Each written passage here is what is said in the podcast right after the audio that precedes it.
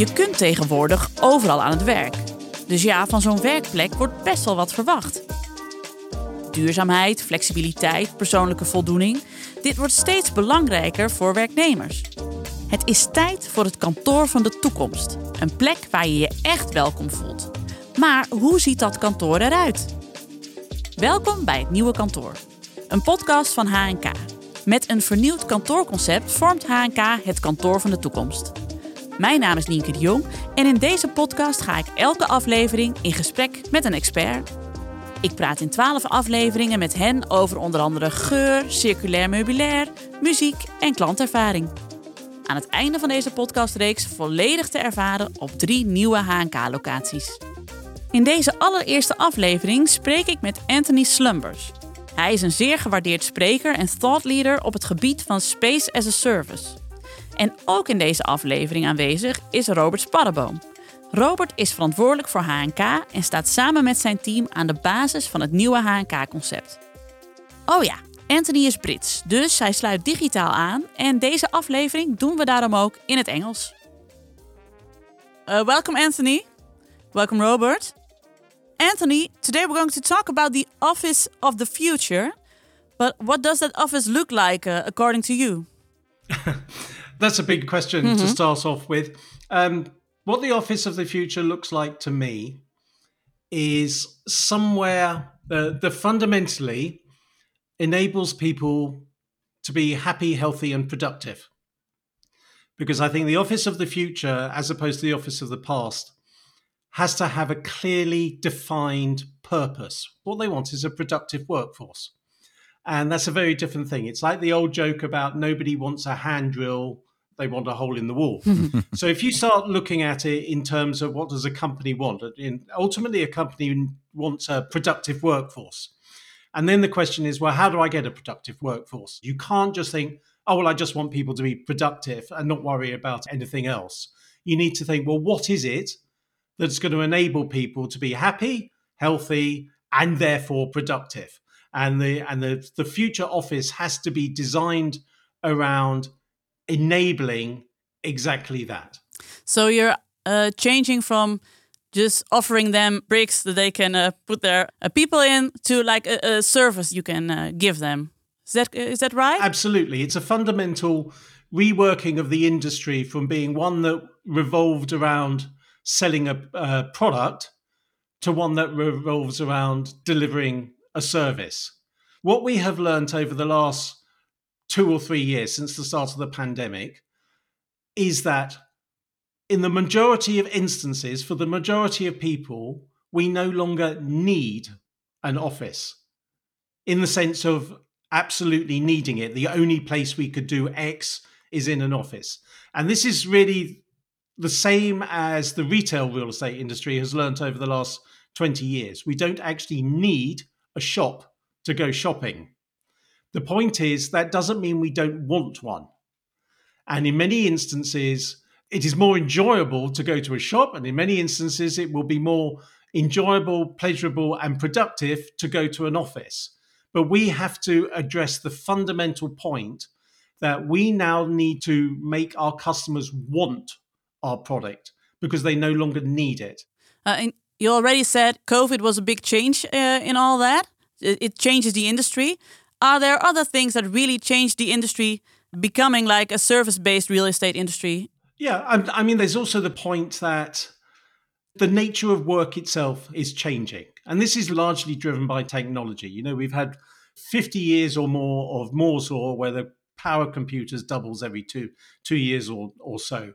And we're now at a, a situation where, in terms of the tasks we have to do, all of those, or most of those, that can be defined as structured, repeatable, or predictable, they're going to be done by machines. Machines are better at doing structured, repeatable, or predictable work.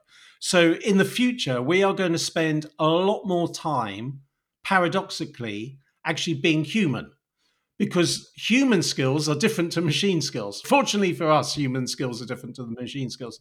So the paradox of living in a very an increasingly technological world is actually we need to increase our human skills. Mm-hmm.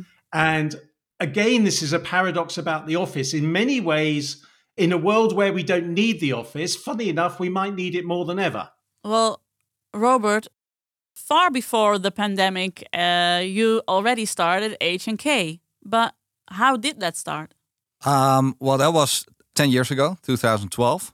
And just like Antony said, we were, yeah, it, it was almost laid upon us to change uh, to a more service based operation because at that time it was the midst of an economic crisis.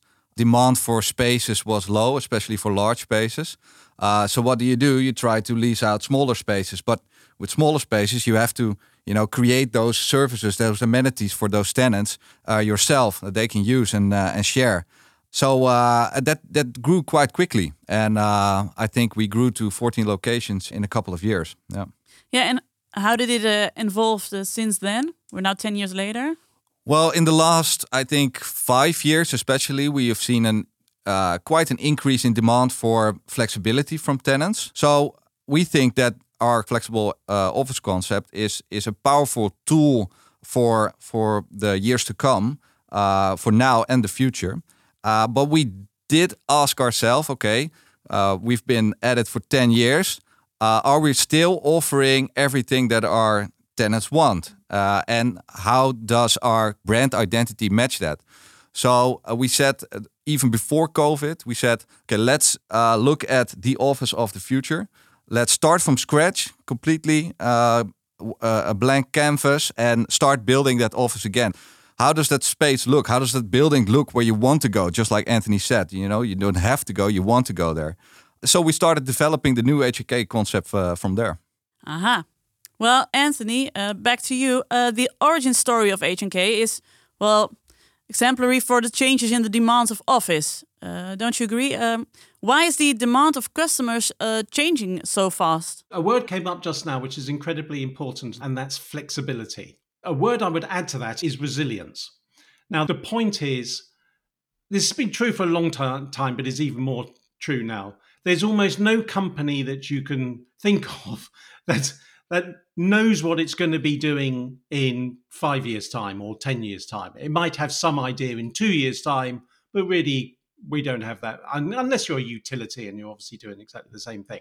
But most companies do not know what the future holds. So the ability to be flexible and to be resilient in the face of change is in- increasingly important. And really, the only, not the only way to provide it, but that for certainly a increasingly large percentage of our corporate needs, we need space that is flexible. So, can I say that uh, if you are a real estate company, you have to get on this train right now? You have to become flexible because otherwise you will lose? A hundred percent, because why would you win? I mean, you are a hundred percent going to lose because you are restricting your market to that percentage of each company where a longer term fixed lease is applicable. And as I say, for 20, 30, 40, maybe 50% of a company, you might say, whereas you were taking, oh, let, let's just say, a thousand square meters today, you might say, we're 400, 500, we know we'll be busy every day regardless. So let's take that on a longer lease. The rest, we are much better to buy this on demand. And there's a reality here from both sides. We are talking here about better real estate. We're talking about better offices, better products, and better services. And that is going to cost money. It's going to cost money to provide and it's going to cost money to procure. But the point is, you should be in a position to buy high quality services as and when you need them. And if that costs you more, that costs you more because you have to remember that we have in the real estate industry very much concentrated on the three and the 30. And this is a um, something that lots of people in real estate know 330, 300, where utilities cost us three euro, rent costs us 30 euro, but our people cost us 300 euro. Now, the really important thing for real estate companies is we should be concentrating on how do we enable our customer companies to make their people as productive as possible because they're 10 times the value of anything else. And that's where the big change is. Robert, this is a big opportunity for you because with HNK, you can become the office of the future. Yeah, well, one of the biggest challenges now and in the upcoming decades perhaps is how do you find that right workforce, you know? The the the war on talent is uh, is fierce uh, everywhere. So how do you get those uh, employees and how do you uh, get them happy and, and keep them motivated and, and productive, like Antony said? Um, so uh, you want to provide a space where they where they want to go to. You know, uh, so we said, well, what is important in an office? Um, and uh, we set three main pillars, and that's uh, sustainability, well-being, and comfort. That that hospitality feeling, and those together, well, that creates an experience where you want to be. Yeah, and what does HNK want a tenant to experience then when uh, when they are using uh, your offices? we defined our intended customer experience again. So we looked at okay, if I step into that building, what do I want to experience? Uh, we set four uh, main elements, and that's I want to feel welcome, I want to feel connected, truly supported, and energized. You know, you want to leave the building at the end of the day and say, you know, this was a great working day. Um, and um, uh, everything that we do, and and and uh, our teams on location, they have to, you know, live those those four elements well, that's also why we call ourselves supporters. So everybody in within HNK is a supporter, and that's uh, you know that works two ways. We support our tenants, you know, just like we're football supporters, uh, but we also help them with everything that they that they need within the office, uh, so that they can yeah focus on on their business. But uh, how do you make sure that you can fulfill all their needs? Because like you said, they have a lot of needs. Yeah, yeah, yeah, yeah, and and and and increasingly more and more. Mm -hmm. um, but you know, it's it's a matter of staying in contact with the people in your building, and you know, real estate. And Antony can explain it even more, I think. But it's quite conservative. So we always in the past we had contact with the real estate and facility manager or with the director. And if you had a five or ten year lease, you you went to them twice a year had a cup of coffee. Is everything going well? Okay, great. Uh, bye. bye yeah. yeah. And now we have to change that, and we have to be in contact with the end user. You know, that's the employee of the company that's working there. Uh, so yeah, what we do, we do uh, annual surveys, uh, periodic surveys to yeah try to feel you know what is it, what you want within this building, and and are we doing the right thing, or can we improve as well? So uh, yeah, keep in contact. What Robert was talking about just now, I think, is extremely important. Of thinking about in advance the user experience they're, they're after. So every company needs to be looking at individuals, teams, and the company need and seeing what does each individual need to enable them to be as happy, healthy, and productive as possible, and what does their team need, and how does that fit in with the with the company. The difficulty, but the opportunity for real estate companies is they now need to understand their customer in a way they've never had to before. Long lease, exactly, that's the point. All you need to do is send them the rent bill every now and again. Hmm. but in this world, on an ongoing basis, a real estate company needs to understand what are the wants, needs, and desires of their occupier. How are they using space? What are they using it for? Does this space enable them to do what they need to do? Because if I can provide my customer with an office that is continually optimized for what they need, if they move, they've got to, if you like, go and train that new building mm. to give them the same amount. So I think you'll you'll find that there'll be an awful lot of companies that sell that purchase short-term leases or licenses, but actually end up staying a very long time. Because if Robert can provide my company with exactly what I need, I might want to pay for it once a month, but I I will be there until I don't need that anymore. But Antony, uh, when I hear you talk about this Office of the fu uh, Future, it sounds like uh, it's going to be a lot more expensive if you want to be uh, so detailed and so service uh, valued. Um, how expensive is it going to be for for tenants? I think it will be both more expensive and, and less expensive in terms of the difference between cost and value. So the cost will definitely be more per square foot or per square meter, but probably I will need a lot less square meters. And also, what is the impact on my real estate on the productivity of my people? If we can start thinking about that we're not selling space, we're selling productivity. So if you work with us, we will help you be as good a company as you can be. We're not here to sell you this amount of space. We're actually selling you a productive workforce. So it clearly it can be as expensive as make as makes sense. Well, I think Antony explained it really well. You know, of course, there's additional cost involved because all those services cost money. But uh, yeah, just like Antony said, you do the math. You know, if you have to hire a, a, a receptionist yourself, you hire the office manager yourself. If you're stuck in a five-year lease when you don't need that space anymore, you know what are the costs of that? So uh, I think if you look at the total picture, it probably gives you more value for money, uh, but it will cost a bit more. Yeah. Mm-hmm. Well, we're talking about the office of the future, and one um, part of it we can't uh, deny that will be uh, sustainability. How important is sustainability for the office of the future? Sustainability is in number one position, and then everything else is miles below it. Mm-hmm.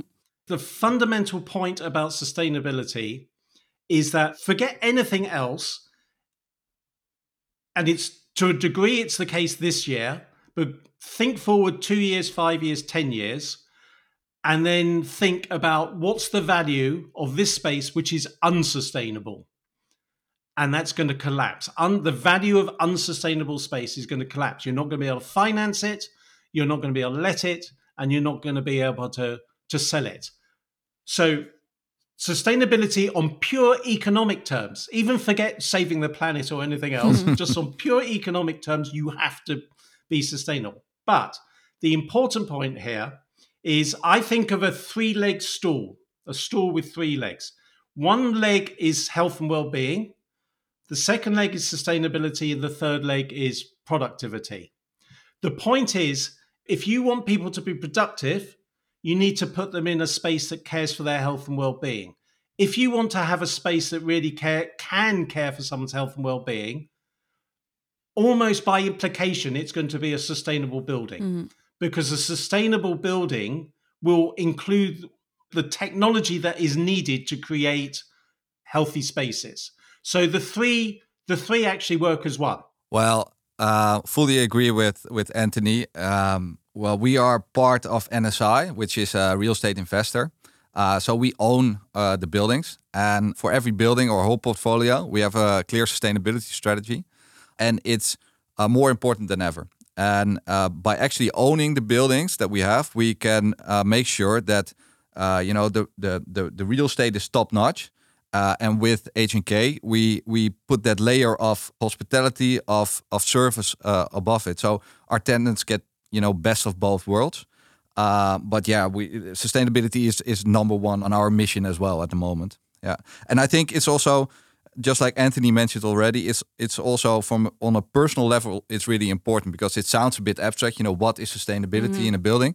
But there's actually there's a sickness called sick building syndrome. Wow. So where you're actually getting sick from a building, you know, and if we're talking about uh, cost, uh, just like Antony said as well, you know, your personnel is is your biggest is your biggest cost. So you want to take care of them. So uh, that building has to be great, uh, and then you can focus on uh, on services and uh, amenities. So sustainability not only important for your branding, for your office, for your people.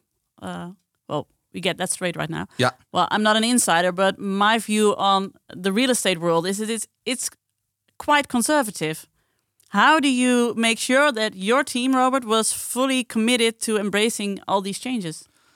Um, well, I think the the market in general is quite conservative. I, uh, I'm curious what what Antony thinks about it at the moment, but um, uh, you know, you have to look at the at at at a high high over level. You need you need to be aware of what's happening in the world, and uh, that's what we did. You know, we said let's not focus on what we're doing now or these particular buildings.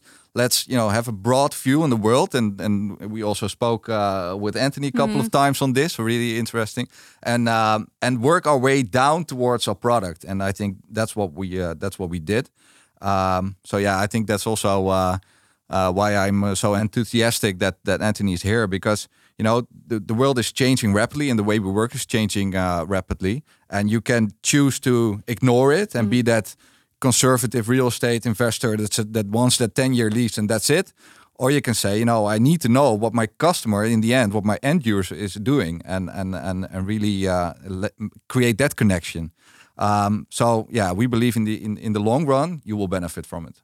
I 100% agree. Um, at its heart, the real estate industry is is very conservative, but the way I look at it is that that is a huge opportunity for the companies that are not conservative. I always say this is the best time ever to be in real estate if you're creative, visionary, innovative, because the opportunities to do things in real estate today exist that simply did not exist before. If you can tap into the right market with the right user experience, it's going to be very hard for people to leave you mm. and you're going to be very attractive to, to that market. So again, it gets back to understanding which market are you trying to attract. But if you can crack that, you have a very powerful magnet for demand. So you hear it, Robert. If you embrace the change, yeah, a lot can happen. Yeah, embrace change, keep uh, being innovative. I think that's our mission. Yeah. Yeah. Thanks so much for this conversation. Thank you. That's great. Thank you very much. Dit was het nieuwe kantoor, een podcast van HNK. Nieuwsgierig naar jouw kantoor van de toekomst? Ga naar hnk.nl, boek een rondleiding en kom langs op een van onze locaties. Welcome to a new way of working.